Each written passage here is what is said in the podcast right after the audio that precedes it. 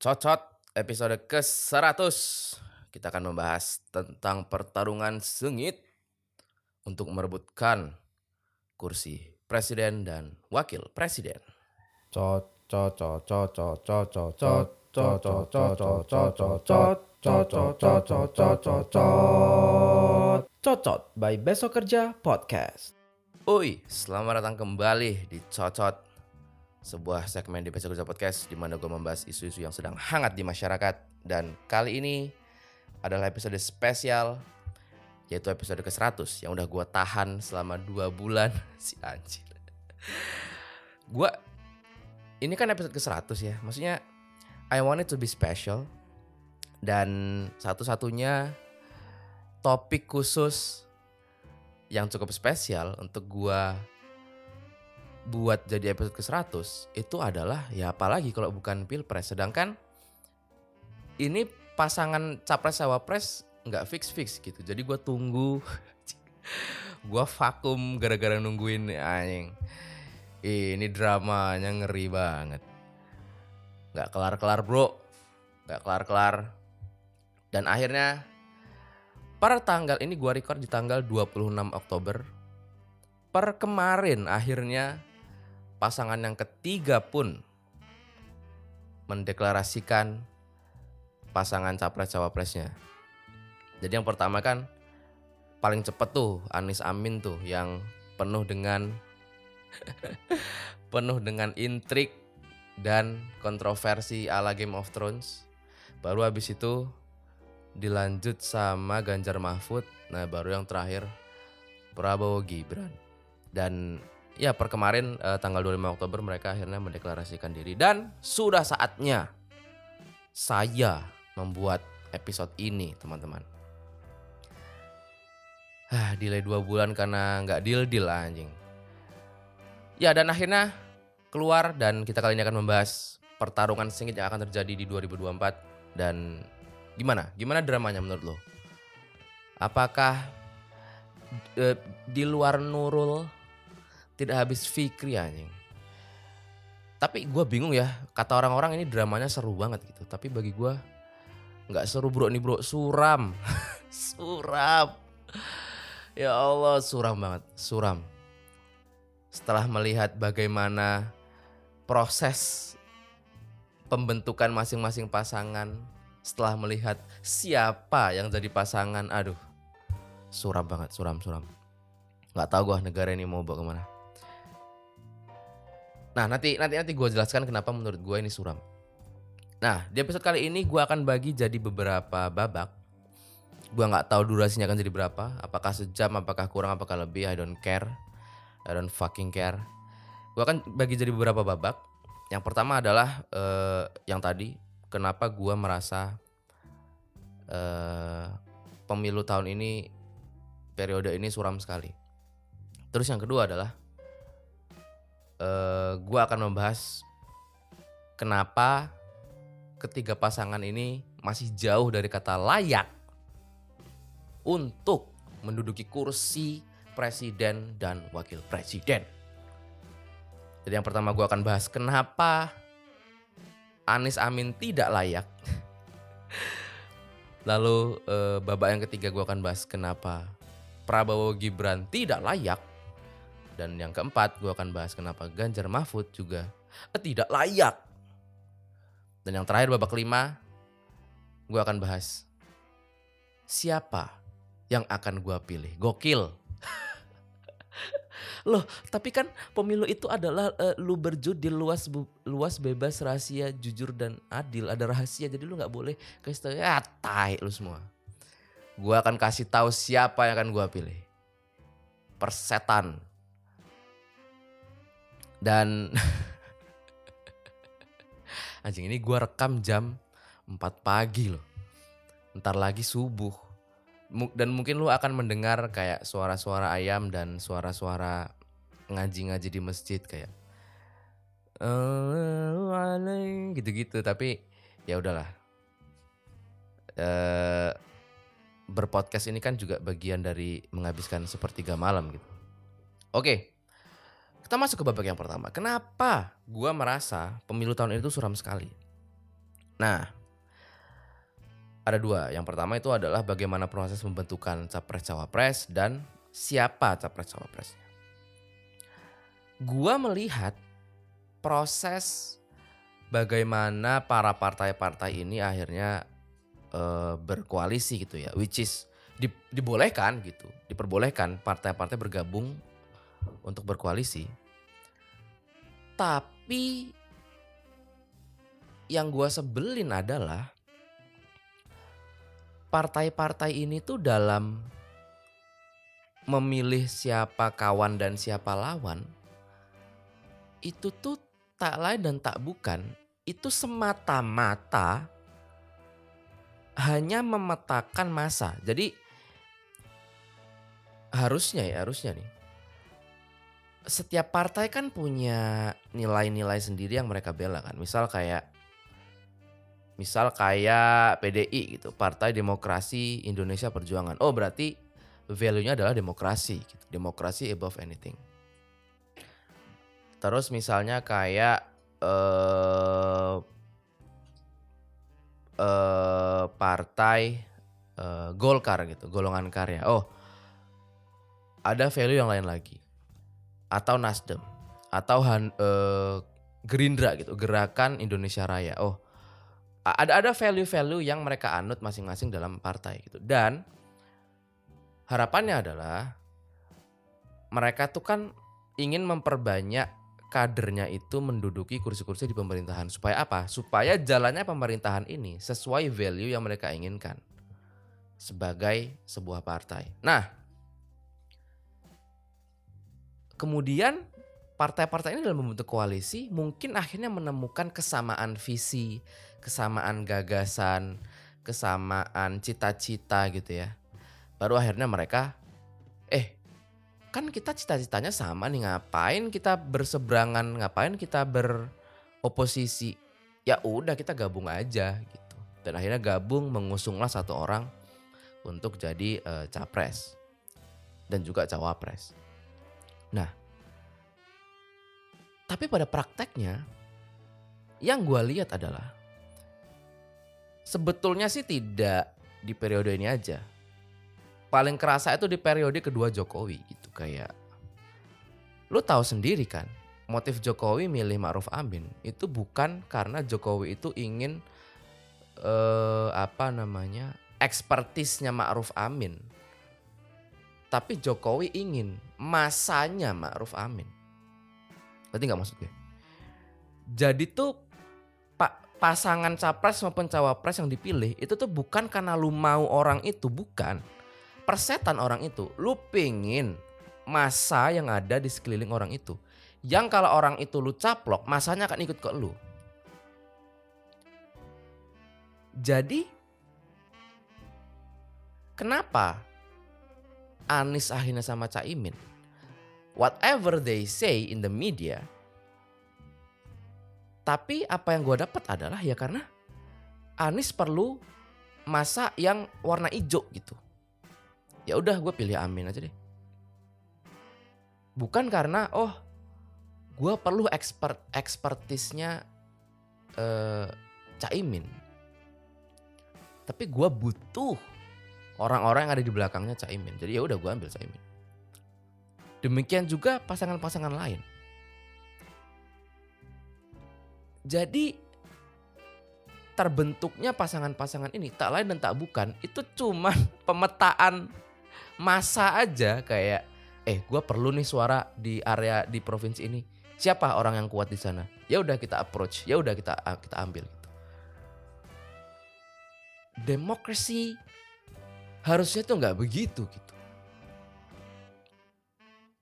Tapi pada prakteknya selalu begitu. Apakah berarti demokrasi ini sulit untuk relevan di negara-negara seperti ini gitu? Karena karena demokrasi jadi jatuhnya adalah vote yang mana vote itu perlu masa yang akhirnya ya udah gimana caranya rebutan masa ya udah bagi-bagi power aja gitu persetan sama gagasan dan persetan sama ide. It- itu yang gue dapet. Dan menurut gue praktek yang terjadi drama-drama yang kemarin itu itu tuh waduh suram banget sih. Itu menggambarkan betapa betapa demokrasi itu tuh emang aduh susah banget gitu diimplementasi di negara kayak gini gitu. Karena prakteknya akan selalu jadi seperti itu. Dan ditambah lagi setelah terbentuk tiga-tiga pasangan, ya Allah.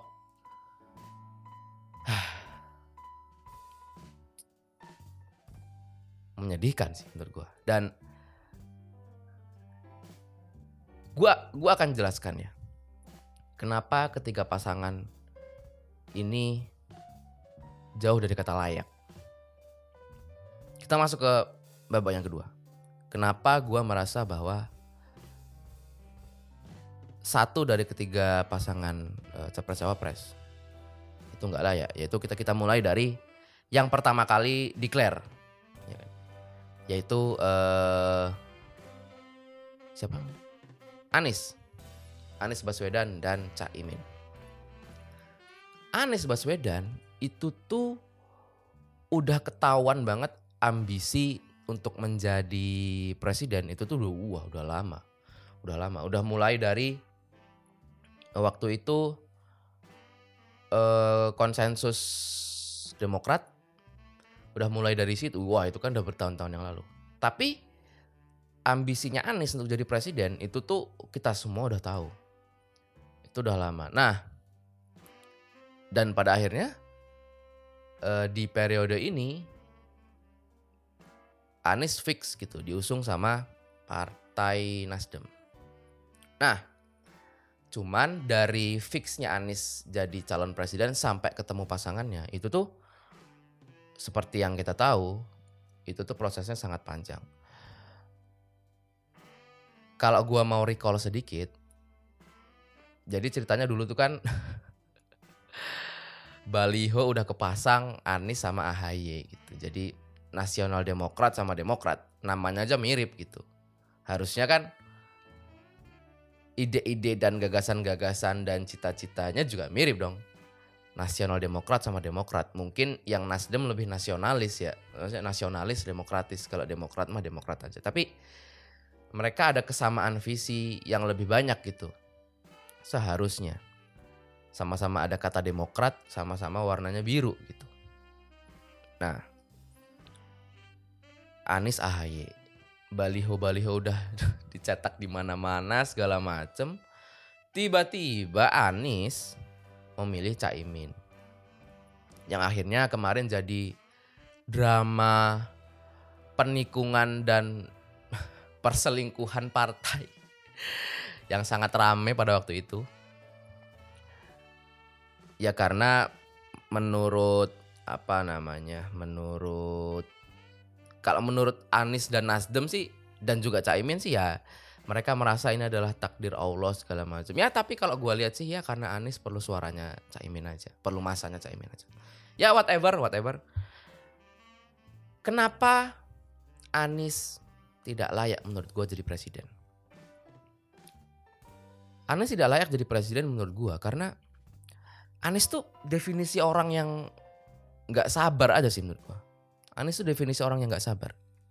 Terlepas dari kontroversi pemilihan cawapresnya kemarin ya. Karena Anies itu kan dia batu loncatannya kan gubernur DKI ya maksud gue. Anies itu batu loncatannya adalah gubernur DKI dan waktu dia jadi gubernur DKI sama Sandi. Gue mau tanya sama lu orang-orang Jakarta ya atau orang-orang yang mengamati apa yang terjadi di Jakarta dari semua janji kampanye Anies di Jakarta, berapa persen yang terrealisasi? Gue tanya. Ada nggak setengahnya? Dari semua janji kampanyenya Anies, ada nggak setengahnya terrealisasi di Jakarta? Gue tanya. Ada? Mungkin program yang sekarang menurut gue cukup oke okay, and I appreciate it much itu adalah transportasi. Gua sangat appreciate bagaimana majunya transportasi di Jakarta. Bagaimana banyaknya moda yang terintegrasi dan segala macam. Gua adalah orang yang menikmati. That's why I appreciate it uh, much gitu. Nah, tapi kan tidak hanya itu ya. Maksudnya ada OKOC dan DP0 dan segala macamnya gitu. Mungkin dia bisa alasan kayak oh iya itu karena itu programnya Sandi, Sandi waktu itu eh, nyalon wakil presiden segala macam. Tapi kan bro apa yang bisa jadi alasan kita untuk nyoblos lu kalau bukan janji lu itu kan? Ya kalau ya kalau misalnya pasangan lu cabut ya find a way lah. Orang di perusahaan juga gitu. Kalau ada karyawan cabut ya ya, ya find a way out gitu. Mau lu double job lah, mau lu cari orang lain, whatever I don't care gitu. Dan dan ngomong-ngomong bentar lagi musim hujan gitu. Kita lihat Jakarta banjir gak? Kalau banjir mampus sudah. Dan ini nih Jakarta loh. Maksud gua Jakarta kan secuil ya. Maksudnya kalau lu lihat peta Indonesia tuh Jakarta tuh secuil gitu. Dan belum beres kan kerjaan lu di Jakarta gitu. Memang ide-idenya cemerlang waktu di mata Najwa kemarin. Emang cemerlang ide-idenya. Public speaking lu bagus, lu bisa menyihir semua audiens lu terhadap betapa briliannya ide-ide lu gitu. Iya, I admit that. Tapi kan apa jaminannya ide itu akan jadi produk gitu. Lu lu pasti punya temen lah gitu yang di tempat kerja yang satu tuh dia tuh mulutnya manis banget gitu. Bacotnya kencang banget gitu. Tapi kerjaannya busuk gitu. Tapi lu juga punya teman kan yang dia tuh pendiam dan tidak suka bergaul dan introvert segala macam. Tapi kerjaannya beres. Mana yang lu pilih? Yang kerjaannya beres kan? Dan aduh. Ngerti gak sih maksud gua? Lu lu main game nih. Main game ya. Level 1 mati. Terus tiba-tiba, ah, gua nggak mau level 1, gua mau ke level 5 aja. Enggak, entar, entar dulu. Lu level 1 mati. Kelarin dulu, kelarin dulu level 1. Kalau level 1 mati, level 5 ya pasti mati lebih cepat. Apa yang diharapkan? Dan aduh gue nggak tahu ya. Gua gua nggak tahu apalagi yang nggak clear gitu kayak kalau gua jadi Anis ya kalau gue jadi Anies tuh gua akan menyelesaikan dua periode gubernur gua di Jakarta untuk memastikan program-program gua tuh selesai walaupun nggak selesai at least semaksimal maksimalnya effort gua udah gua curahkan tuh untuk menuna- me- menunaikan janji-janji gua. Kalau emang achieve alhamdulillah. Kalau emang enggak ya ya mau gimana lagi? Namanya gue udah udah full effort dan ya progres terakhir di mana harapannya nanti bisa dilanjutkan sama periode gubernur selanjutnya. Nah, kalau sekarang kan ya Allah, udahlah setengah-setengah ditinggal, sekarang desainernya ganti ya Allah, font, aduh lucu banget lagi. Yang fontnya Jakarta sekarang ganti itu lucu banget. Udah desainnya bagus-bagus, tiba-tiba ganti jadi ini jadi selera-selera boomers-boomers lagi. Dan sekarang mau jadi nyapres gitu kayak apa? Apa yang diharapkan? Itu sebetulnya kenapa gue merasa bahwa nggak layak. Ini bel- belum mungkin, mungkin kata halusnya belum ya, belum layak gitu ya selesaiin dulu gamenya level 1, baru level 2, baru level 3, level 4, level 5 gitu. Kalau level 1 mati ya level 5 mati lebih cepet apa yang diharapkan gitu. Lu mau optimis tanpa dasar nggak bisa bro. Nggak bisa gitu bro. Itu dia alasan kenapa gue merasa Anies masih jauh dari kata layak untuk jadi presiden. Gue nggak akan bahas Caimin karena gue nggak kenal Caimin dan bodo amat gitu.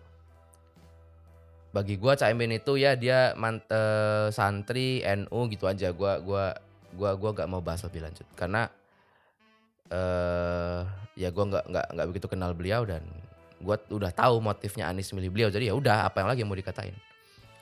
Itu kayak ya waktu Jokowi milih Maruf Amin juga gue nggak mempertanyakan kenapa Maruf Amin nggak layak gitu. Lo bisa lihat sendiri kenapa dia nggak layak. Oke. Anjir udah berapa menit sini 20 menit. Oke.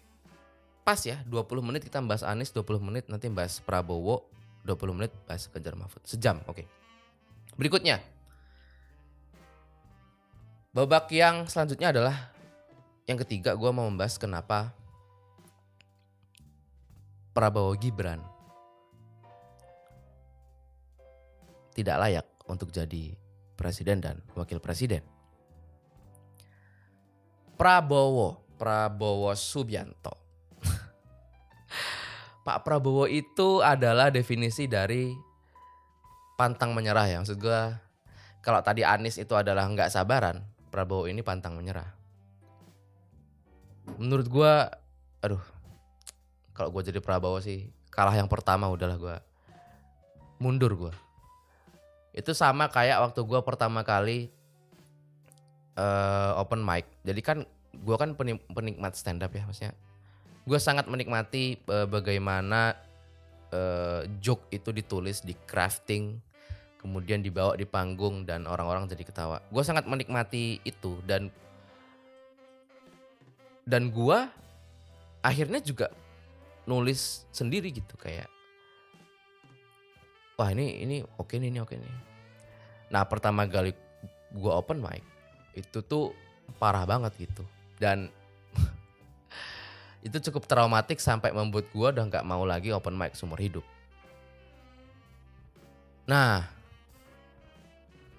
Pak Prabowo nih udah kalah sekali terus denying kayak nuduh-nuduh curang segala macem ngajuin ke MK segala macam akhirnya kalah karena emang kecurangan yang nggak ada kok terus yang kalah yang kedua juga gitu dan ini yang ketiga kali kayak maksud gue ya Allah. Gila ya gitu. Memang pantang menyerah itu kadang mengalahkan rasa malu mungkin. Tapi ya gue nggak gua gua nggak tahu ya tapi ya oke okay lah. Maksud gue mungkin memang beliau itu sangat patriot gitu kayak pokoknya kalau belum mati belum menyerah gitu sampai titik darah penghabisan gitu persetan lah rasa malu persetan lah kata-kata orang gitu. Gue berjuang sampai mati gitu. That's fine menurut gue that's fine. Tapi yang sulit adalah ini selalu jadi bahasan kalau Prabowo jadinya pres yaitu adalah sejarah kelamnya Prabowo di masa lalu. Nah, gini, gua gua nggak akan jadi orang yang kayak nggak mau move on dari masa lalu dan segala macem. Tapi kan kita mau daftar kerja kan juga perlu SKCK gitu maksud gua. Apa yang ada di sejarah kelamnya Pak Prabowo itu tuh melebihi dari melebihi dari gelapnya catatan kriminal orang pada umumnya gitu. Maksud gua kalau kita ada catatan kriminal paling apa sih gitu. Nah, orang ini aduh. Aduh gimana? ya? Ini ini gua mau nyebut tapi oke, gini. Gua gua gua balik lagi, gua gua balik lagi. Pak Prabowo Subianto, timnya Pak Prabowo tuh paham betul ya bahwa voter sekarang itu tuh dominasinya late millennial sama Gen Z. Uh, late millennial sama Gen Z. Jadi akhir-akhir millennial sama Gen Z. Yang mungkin nggak tahu sejarah gitu, nggak tahu masa lalunya Prabowo kayak apa. Karena bagi millennials dan Gen Z yang tahu sejarahnya Prabowo akan mikir berkali-kali untuk milih beliau gitu. Gua nggak akan sebut apa itu masa lalunya. Lu lu silakan cari sendiri karena ya lebih baik you find out yourself gitu ketimbang gua kasih tahu. Karena ya mungkin akan salah, mungkin gue akan salah ngomong segala macam. Better you find out uh, by yourself. Ada ada di internet lengkap apa yang terjadi di masa lalu Pak Prabowo. Nah, yang akan lu temukan mungkin akan sangat berlawanan dengan saat ini apa yang dikampanyekan atau difabricate oleh timnya Pak Prabowo. Sekarang kan yang berusaha dibentuk oleh timnya Pak Prabowo itu adalah Pak Prabowo itu sosok yang yang cute, yang lucu dan kocak dan pecinta kucing dan apa segala macam. Apa yang lu temukan di masa lalunya Pak Prabowo akan sangat berlawanan dengan itu. Makanya gue bilang timnya Pak Prabowo paham betul apa yang Gen Z mau, apa yang Gen Z inginkan. Yaitu adalah sosok bapak-bapak yang lucu, yang cute untuk jadi presiden gitu.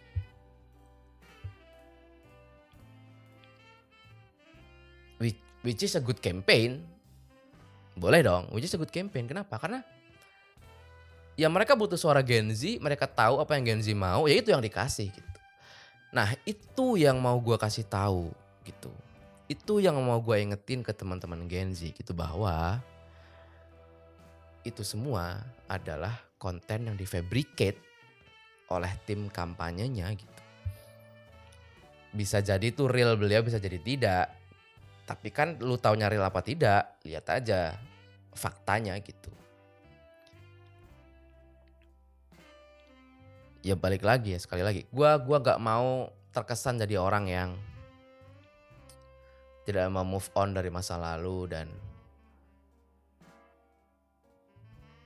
segala macamnya gitu. Ya tapi kalau kita daftar kerja di surat SKCK ya siapa juga gitu dong, semuanya juga sama dong, fair lah kita gitu. Catatan kelam itu akan selalu ada di situ, nggak bisa dilupain dengan lu mainan kucing gitu. Mungkin lu yang merasa tidak terlalu relate ya karena mungkin orang-orang yang menjadi orang-orang yang dirugikan pada kejadian itu bukan lu bukan keluarga lu. Tapi gimana kalau itu adalah keluarga lu? Itu adalah anak lu atau kakak lu atau orang tua lu atau teman-teman lu. Mungkin luka itu nggak akan pernah hilang. Dan gue mau ngasih tahu bahwa masih banyak orang-orang yang belum sembuh lukanya gitu dan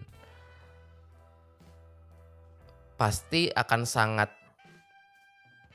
pasti akan ngeselin gitu kalau lu ngelihat kayak tiba-tiba orang ini kayak keluar menjadi sosok yang joget-joget dan cute dan mainan kucing segala macam gitu. Tapi luka gua nih seumur hidup loh gitu. Lu bisa kayak begitu gitu. Nah itu itu. Gua gua berusaha untuk merasanansikan perasaan gua ke mereka gitu.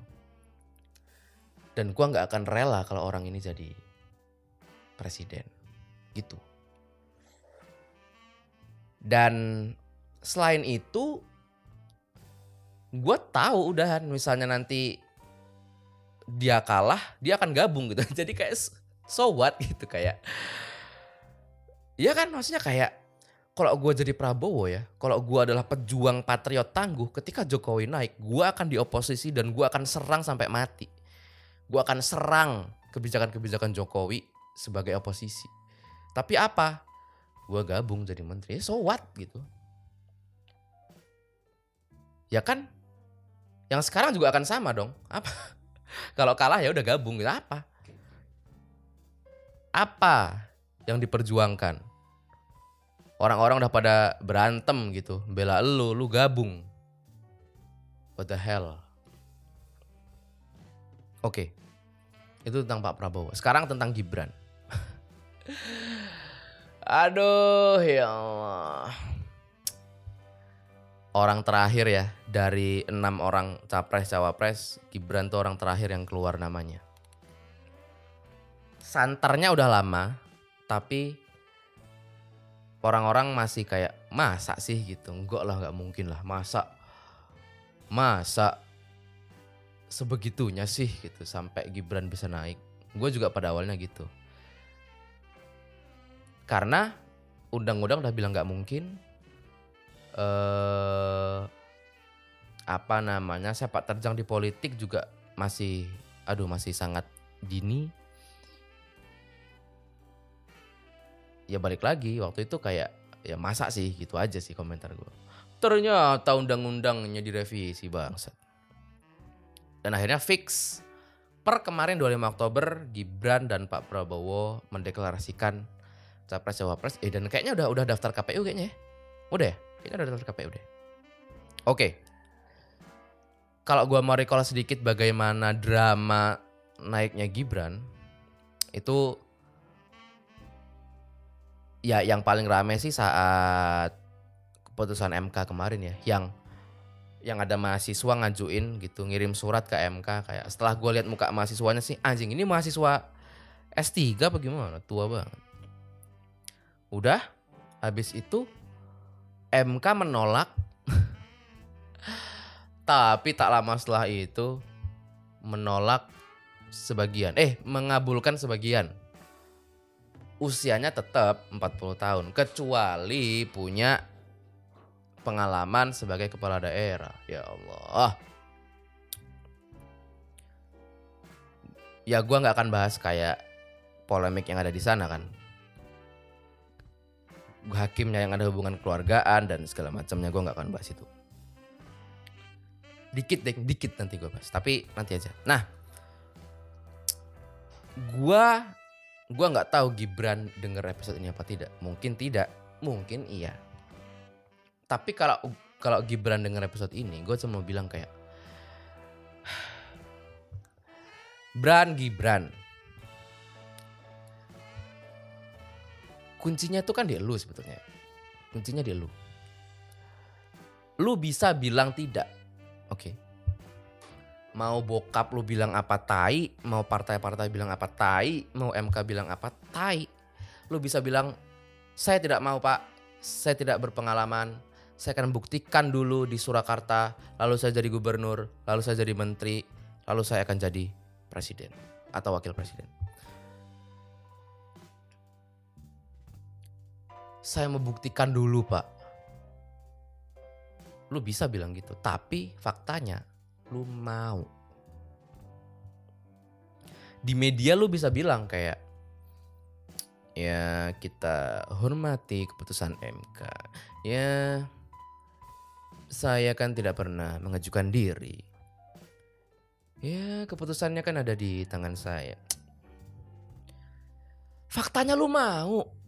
Lu mau. It means you are full of shit. I can smell your lies and your bullshit. Kalau lu nggak mau, kalau beneran ya, beneran lu punya integritas, beneran lu apa namanya punya cita-cita untuk membangun bangsa ini dari politik lu harusnya meniti karir di politik dan membuktikan diri lu baru akhirnya lu mau tapi faktanya lu terima-terima aja. Ya kan? Ya dong.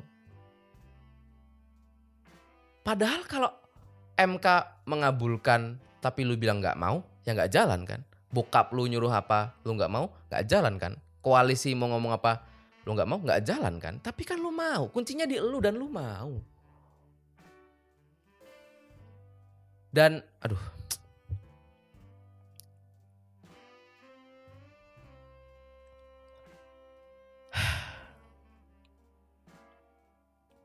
kemarin Ahok uh, bilang ya dan itu aduh Ahok gila sih belak belakan banget sih Ahok Gua kalau di posisi Ahok gua nggak berani bilang itu sih. Ahok bilang kayak lu mau mempertaruhkan bangsa ini 2045 kita ada target loh. Dan lu mau narok anak bawang di RI 2 gitu. Resikonya adalah lu bakal hilang satu periode atau bahkan dua periode. Capres-capres hilang. Karena dipimpin oleh orang yang tidak kompeten. Lu nggak mau kan? Lu tetap punya target 2045 kan? Jadi Ahok bilang Ahok bilang aduh saya nggak milih gitu. Anjing. Gua sih gua gua nggak akan bahas dinasti ya kayak ya gimana ya Gua gua gua nggak akan mempermasalahkan dinasti karena dinasti juga di mana-mana ada gitu. Di US ada ya Lincoln, Lin- Lincoln, Clinton, Kennedy dinasti. Di Palestina eh Palestina, di Filipina Revia juga dinasti gitu. Itu sama aja kayak sekeluarga dokter semua atau sekeluarga polisi semua gitu. It, it's fine by me, it's fine.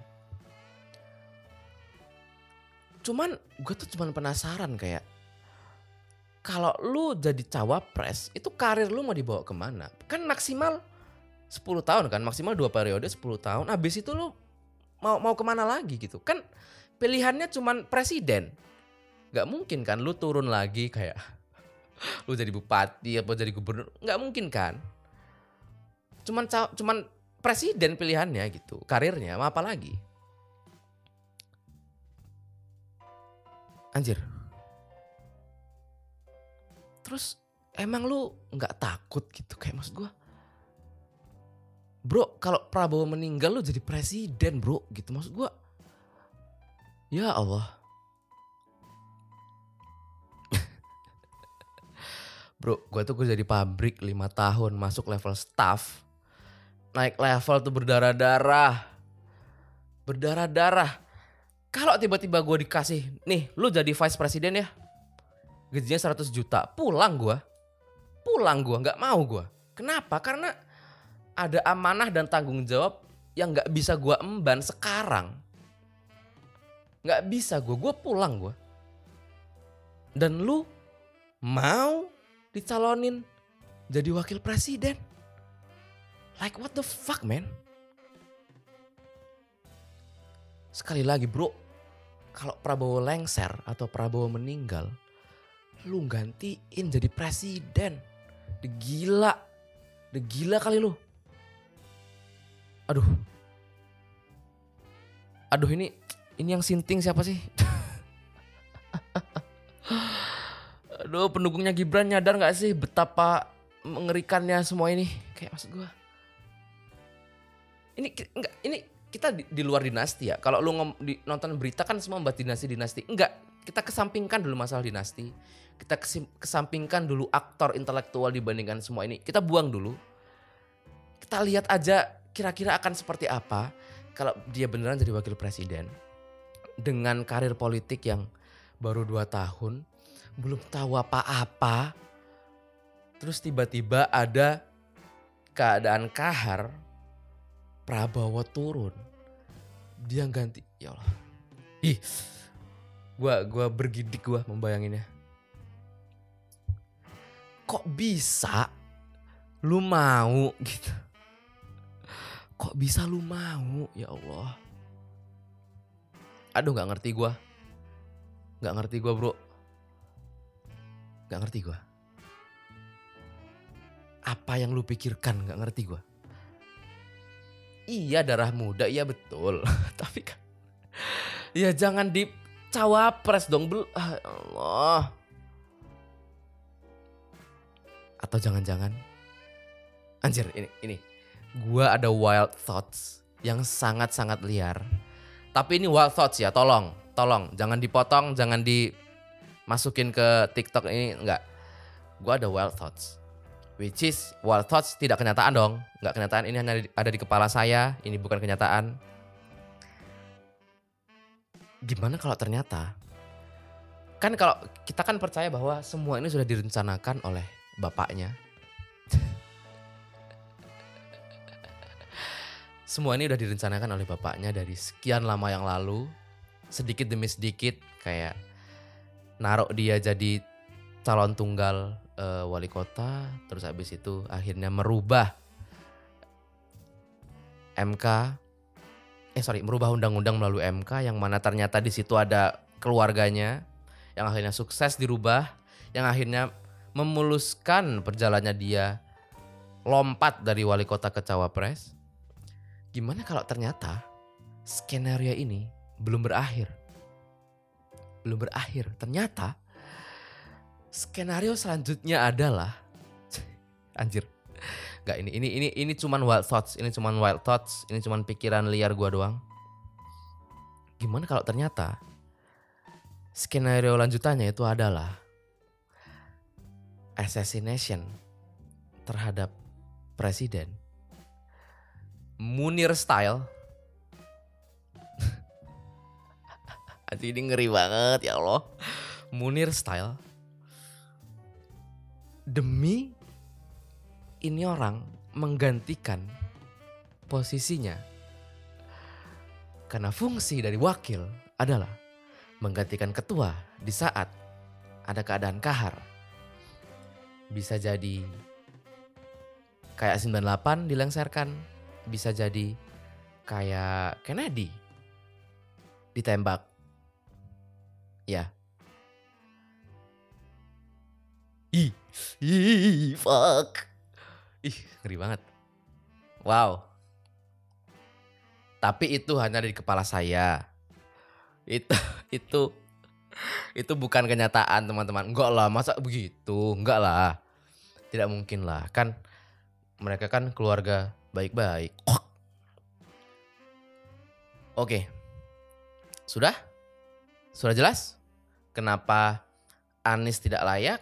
Kenapa Prabowo, kenapa Gibran tidak layak? Sudah jelas? Sudah jelas.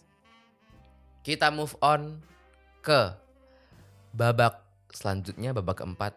Kenapa Ganjar Mahfud tidak layak jadi presiden dan wakil presiden? Jar Ganjar Ganjar Ganjar. Gue ketemu Pak Ganjar itu udah tiga kali kayaknya. Gue ketemu Pak Ganjar tiga kali. Ngobrol agak intimate dua kali. Pertama kali, eh dua kali di UGM, satu kali di eh apa tiga tiganya di UGM ya? Tiga tiganya di UGM ya nggak salah. Iya di UGM. Nah, eh ngomong-ngomong juga Pak Anies juga ketemu. Gue ketemu Anies tuh dua kali. Gue ketemu Anies dua kali. Yang ada ngobrolnya sekali. Ketemu Ganjar tiga kali, yang ada ngobrolnya dua kali. Pak Mahfud ketemu sekali. Ketemu sekali. Prabowo nggak pernah, Gibran nggak pengen. Fuck. Oke, anyway, Ganjar. Kenapa Ganjar tidak layak jadi presiden? Begini teman-teman.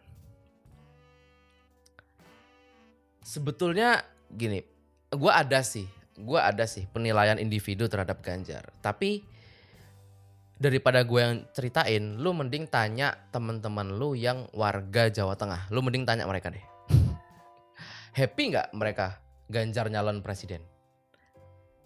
Tanya aja mereka tuh orang-orang Jawa Tengah tuh, terutama orang-orang yang di ya di wilayah-wilayah tertentu yang kemarin ada masalah di sana. Tapi nggak mesti sih, secara garis besar aja. Warga Jateng tanyain aja, mereka happy nggak Ganjar jadi presiden? Tapi gue akan membahas ke arah uh, gini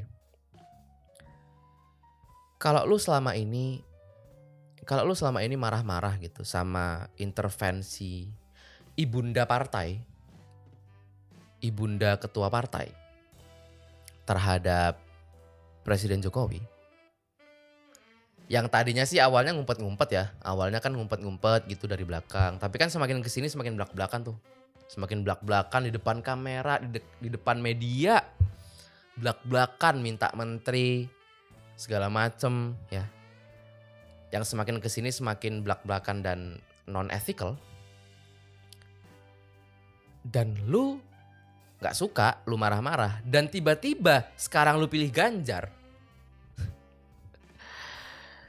Itu tandanya lu nggak belajar sama sekali terhadap apa yang terjadi. Keledai aja nggak setolol itu. Keledai itu nggak setolol itu tau nggak lo? Udah jelas-jelas nih, ya selama ini lu marah, lu juga yang marah kan selama ini. Dan tiba-tiba lu ngulangin kesalahan yang sama, itu tandanya lu lebih tolol dari keledai. Gua bukan pro Jokowi. Gua bukan pro Jokowi, tapi masih teringat di benak gua.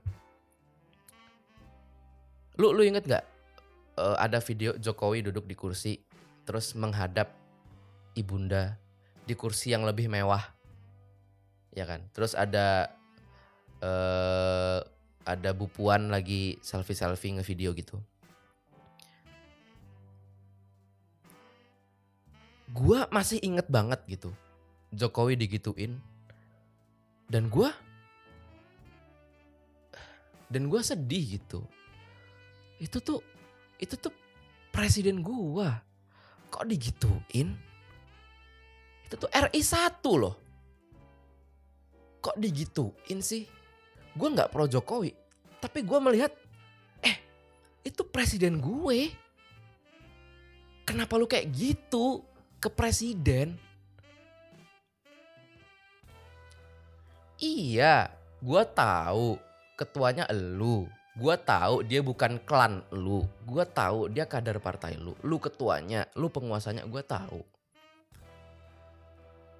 Tapi kan founding fathersnya juga bukan lu kan, bapak lu kan, maksudnya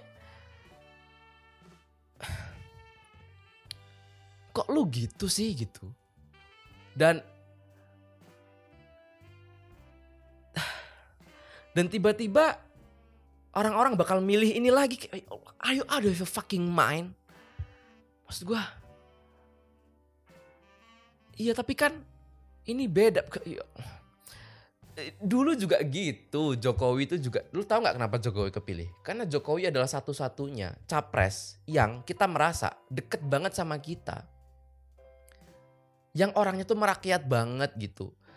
Nggak dari militer nggak dari orang yang konglomerat ya. Jokowi tuh kayak dari sosoknya itu dari raut wajah dari ekspresi dari sosok dari karakter itu tuh down to earth banget dan itulah yang menggerakkan hati kita untuk milih dia. Karena kan politik itu dipilih sama hati bukan sama logika tapi sama hati. Tapi kan akhirnya kita tahu faktanya kan ada intervensi yang sangat masif. Berarti kan kalau ininya masih sama nih atasnya masih sama kan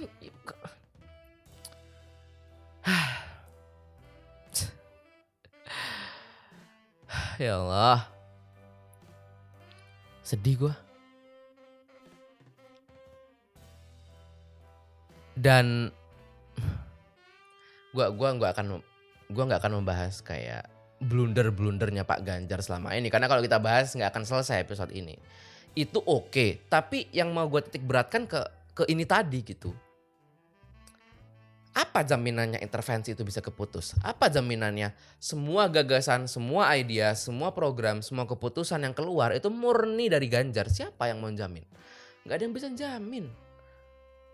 Dan gue yakin akan berulang lagi. Ya, jadi apalagi yang mau dipertanyakan?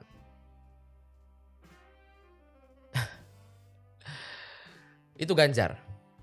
Sekarang Mahfud. Kenapa Mahfud juga nggak layak jadi presiden? Sejujurnya dari keenam orang, gua tuh paling, gua nggak suka semua. Tapi gua yang ngerasa nggak sukanya paling dikit tuh sama Mahfud. Gua paling respect sama Pak Mahfud. Uh, gue nggak akan jelasin kenapa. Tapi kalau gue disuruh milih lah gitu ya dari keenam orang ini kalau gue rating enam enamnya ya instead of pasangan siapa pasangan siapa kalau enam orang ini gue rating Pak Mahfud tuh nomor satu. Tapi Pak Mahfud Pak Mahfud Pak Mahfud. Gini Pak Mahfud. Uh,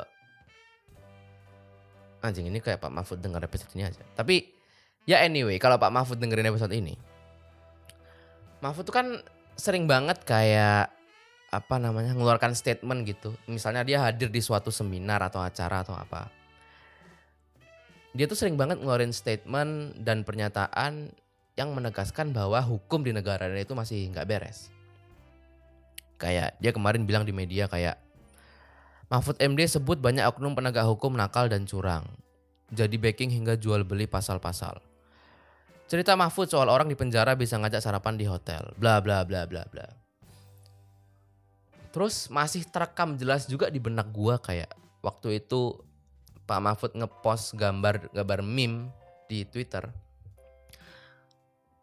Yang ceritanya itu adalah ada orang kecil menghadap orang yang lebih gede minta keadilan. Terus sama orang yang lebih gede itu dijawab kayak minta-minta beli gitu. Terus dia kayak ada emot ketawa gitu. Nah, gue tahu ini Pak Mahfud lagi ngeluh gitu sama kondisi di hukum di negara ini. Karena eh, apa namanya ya keadilan tuh harusnya keadilan tuh kan hak ya. Tapi sekarang faktanya adalah jual beli gitu. dan dan sekarang jualannya beliau saat dari cawapres kan ya dia punya ekspertis di yudikatif dan dia nanti akan menuntaskan masalah-masalah hukum saat jadi cawapres. Komentar gua, Pak, nggak harus jadi cawapres, sekarang aja. Kan Bapak Menko Polhukam. Pak, Bapak Menko Polhukam, Bapak orang pertama yang kami harapkan bisa menyelesaikan masalah-masalah hukum. Siapa lagi? Bapak orang pertama yang kita harapkan. Kok Bapak ngeluh? Kan Bapak Menko Polhukam. Ngeluh. That's your fucking job. Gak harus dari wakil presiden. That's your fucking job now.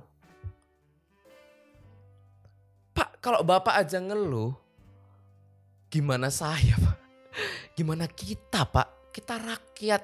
Kita bukan siapa-siapa. Kita nggak punya power. Bapak Menko Polhukam, saya buruh pabrik. Kok kita sama-sama ngeluh di Twitter? Gimana sih pak?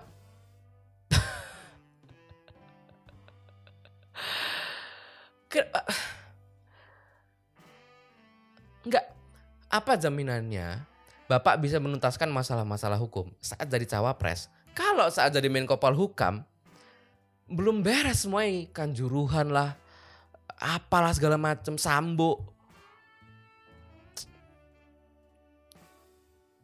Aduh lucu banget, lucu banget tadi tuh statement itu. Pak Mahfud Menko Polhukam, gua buruh pabrik, tapi kita sama-sama ngeluh di Twitter like, what the fuck gitu. Lucu banget. Andi lucu banget. Iya kan nggak? Make sense nggak apa yang gue bilang? Make sense dong. Make sense kan? Anjir.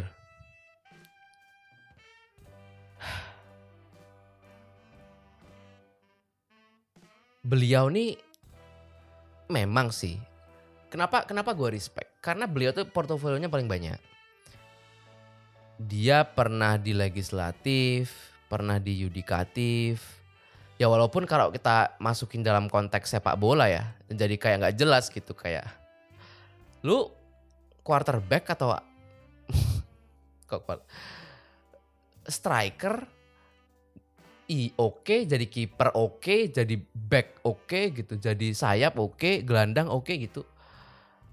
Ya rada-rada nggak jelas sih tapi setidaknya beliau secara administratif ya dan secara case-case yang pernah dikerjakan gitu mungkin pengalamannya banyak gitu. Tapi sekarang kan jualannya itu ya. Maksudnya kemarin di apa namanya di wawancara di mata Najwa juga gitu kan. Maksudnya gagasannya itu adalah seputar iya saya saya akan lebih lugas saya akan lebih tegas gitu. Kayak apa namanya kayak pencalonannya Gibran ini gitu. Dia sebagai Menko Polhukam dan sebagai mantan ketua MK tahu apa yang di dalam kan, makanya dia bisa bilang kayak ini ini tidak etis. Eh, nggak boleh ada hubungan keluarga dalam memutuskan suatu perkara dan bla bla bla. Tapi terkesan kayak ada konflik kepentingan karena dia lawan politik jadinya gitu kan.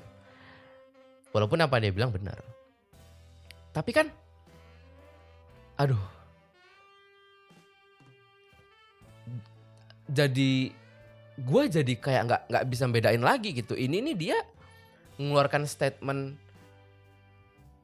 menyalahkan MK ini karena dia memegang integritas sebagai penegak hukum atau karena dia ada kepentingan gitu untuk melengsarkan Gibran karena dia adalah lawan politik yang kuat. Nggak tahu lagi gue sekarang.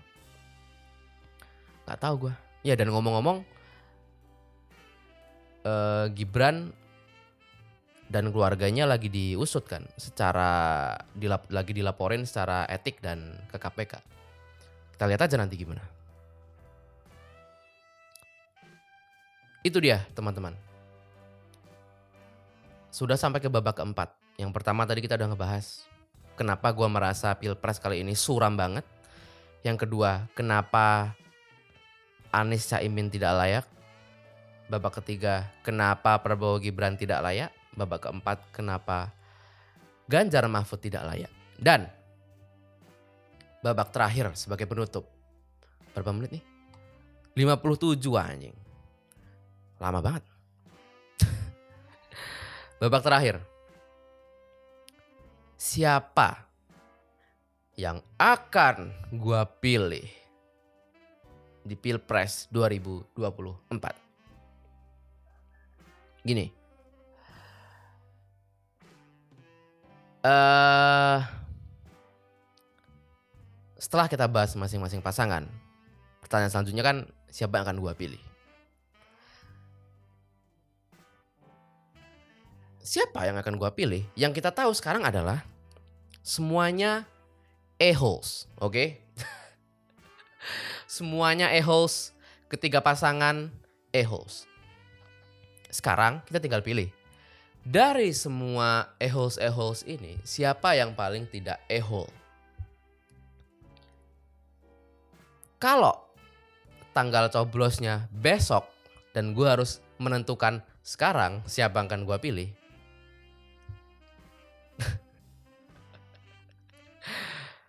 gue akan sangat dengan berat, eh gini, gue dengan sangat berat hati akan memilih Anies dan Caimin.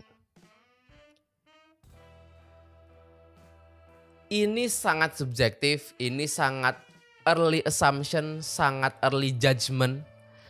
Tapi kan kita ngomong kalau nyoblosnya besok nih, gue harus nentuin sekarang gitu. Karena dengan memilih Anies Caimin, ya kemungkinan besar sih akan tai, ya kemungkinan besar. Dengan memilih pasangan itu tadi, kemungkinan besar akan tai. Tapi ada slightly kemungkinan nggak tai-tai amat. Oke. Sedangkan kalau gue milih yang lain itu udah pasti tai. Gitu. Jadi daripada yang pasti tai-nya ya kan ya udah kalau ada slightly nggak tai-tai amat ya itu yang gue pilih gitu.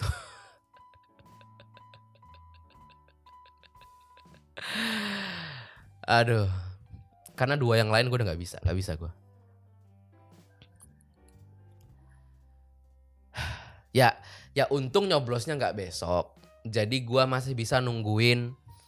Eh gue masih bisa nungguin adu gagasan, adu ide, debat capres dan kampanye segala macam sebelum nyoblos. Gue bisa masih bisa nunggu itu. Tapi if nyoblosnya besok dan gue harus menentukan sekarang, ya itu tadi pilihan gue. Gitu. Gimana menurut lo? Kalau lo disuruh early judgment, oke, jam to judgment. Siapa yang lu pilih berdasarkan pengamatan saat ini? Apakah sama dengan gue? Apakah tidak? Ya lu pikir aja sendiri. Ya kita lihat aja nanti kayak apa ya. Tapi yang jelas adalah gua ngebayangin kampanyenya sih udah mau muntah ya gitu karena ini kan dominansi voter kan dari uh, late millennials early Gen Z kan Jadi udah kebayang tuh kampanyenya kayak apa. Kampanyenya itu akan seputar ketiga calon akan berlomba bikin video-video kocak dan video-video lucu, video-video TikTok, Reels dan segala macamnya. Demi apa? Demi disukai oleh Gen Z karena itu yang Gen Z mau.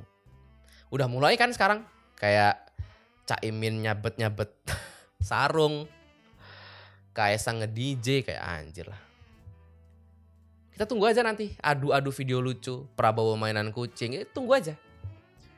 Yang gua kasih tahu ke Gen Z adalah ini wahai para Gen Z, itu semua adalah konten kampanye. Dan mereka perlu suara lu. Jadi mereka bikin bagaimana caranya supaya dapat suara lu dengan cara apa? Dengan cara menjadi yang lu mau. Lu suka kan tokoh-tokoh yang lucu, yang kocak, yang asik. Emang lu nggak penasaran kenapa Gibran di twitternya kayak awok wok wok? Emang lu nggak penasaran? Ya karena supaya terlihat sok asik aja, supaya terlihat sok tongkrongan, supaya terlihat anak nongkrong yang asik dan Gen Z simpati. Emang lu kira kenapa Prabowo mainan kucing? Kaisang nge-DJ, eh Caimin nyabet-nyabet sarung ya biar dibilang asik, dibilang lucu dan Gen Z jadi ada keinginan untuk nyoblos dia. Persetan gagasan, persetan ide. Itu yang mereka butuhkan dari lu. Jadi wahai para Gen Z tolong be smart. Be smart untuk melihat ide dan gagasan dan juga sepak terjang masing-masing capres cawapres. Itu sih pesan gue ya intinya gue ngebayangin kampanyenya besok udah mau muntah lah gue udah pengen muntah gue ngebayanginnya. Kayak ih banyak video-video cringe orang-orang tua joget-joget gitu. Ah.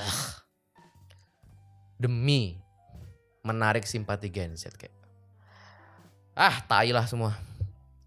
Oke teman-teman. Gimana? Pembahasan kita untuk episode ke-100 Battle of Presidency. Apakah membuka pikiran Anda terhadap betapa suramnya Pilpres? Apakah Anda semakin optimis atau Anda semakin pesimis kayak anjing lah, persetan lah negara. ya it's up to you. Intinya uh, ya kita lihat aja nanti kayak apa.